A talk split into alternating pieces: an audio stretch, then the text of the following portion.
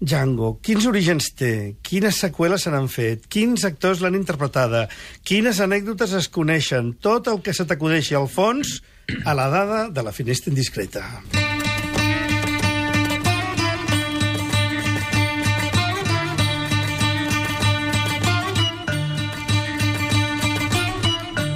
Seguim endavant amb les peticions de dades. La darrera i bastant original ha estat fer una dada sobre el personatge del western Django. ¿Cómo te llamas, Borrudo? Se llama Django Freeman. La veritat és que, més que una dada, gairebé li podríem dedicar un reportatge, però intentarem ser concisos i respectar el format. De manera que aquí teniu les principals curiositats que hem descobert d'aquest peculiar personatge protagonista de la setmana... La dada de la finestra.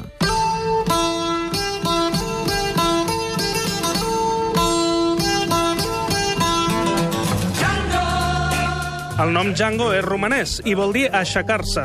És un nom molt estimat entre els admiradors del jazz per Django Reinhardt.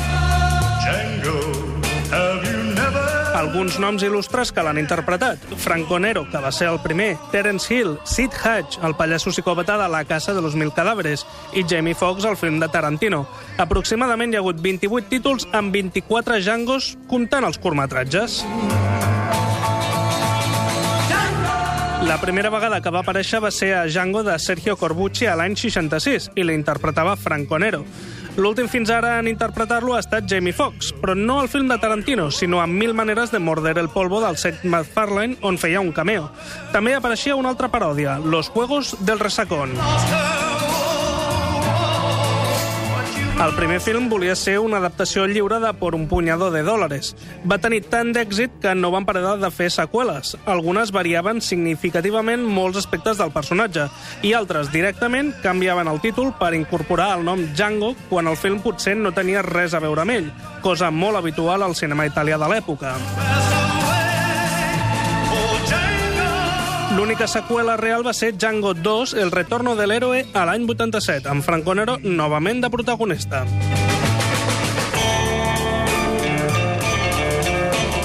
Els títols d'algunes de les altres entregues és el que més m'ha divertit. Són tan variats com Alambrada de violencia, Yo soy Trinidad, Como lobos sedientos, Django el taciturno, Voy, lo mato y vuelvo, Django, si quieres vivir, dispara, El hombre, el orgullo y la venganza. Barro en los ojos. El clan de los ahorcados. Django desafía a Sartana. Django el bastardo y también la carroña tiene un precio.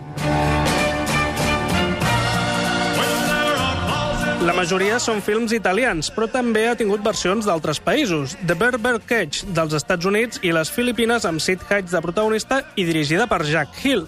Jack Hill va dirigir a Pam Grier múltiples vegades, a Foxy Brown, Coffee o aquesta mateixa. Ja teniu una connexió amb Quentin Tarantino que la va dirigir molts anys després a Jackie Brown. També hi va haver Dinae Django, que era portuguesa, o Sukiyaki Western Django, del japonès Takashi Miike, on també apareixia Tarantino fent d'actor. Hi va haver algunes còpies indissimulades del personatge. Shango, amb CH, que apareixia a La pistola infal·lible al 1970, i Xamango, amb CJ, que apareixia a Jamango o Adiós Jamango, entre d'altres. Aparentment, Franco Nero interpretarà una vegada més a Django Lives de Joe D'Agustin, on Django es converteix en consultor de Hollywood on s'enfrontarà a uns violents radicals que s'inspiren en El naixement d'una nació de Griffith. Va, donem alguna dada del film de Tarantino. El cavall que porta Jamie Foxx és el seu i es diu Cheetah, com la mona de Tarzan. Durant el cèlebre monòleg de Leonardo DiCaprio, l'actor va tallar-se de veritat a la mà amb un vidre trencat. Estava tan ficat en el paper que va seguir tal qual mentre sagnava.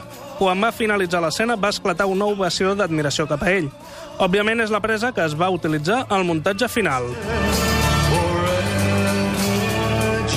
Ennio Morricone va dir a l'acabar el film que mai més rodaria amb Tarantino, ja que diu que la seva forma d'utilitzar la música és incoherent i que mai li dona prou temps per composar-la.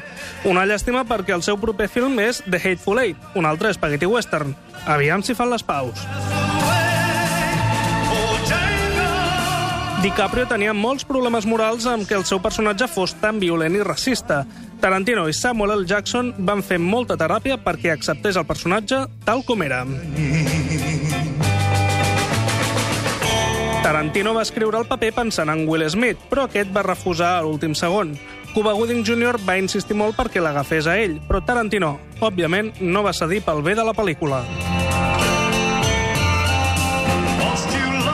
I la que a mi més m'agrada. A l'escriure el guió, Tarantino es va imaginar a Django i el personatge que interpretava Kerry Washington com els tatareves de Shaft, el detectiu negre que va popularitzar Richard Roundtree als anys 70 a partir de les Noches Rojas de Harlem. De fet, el personatge de Kerry Washington es diu Brumilda von Shaft en homenatge. El personatge de Shaft va ser recuperat el 2001 per Samuel L. Jackson, que és un dels protagonistes de Django i de moltes altres pel·lícules de Tarantino. Més connexions impossible. Well...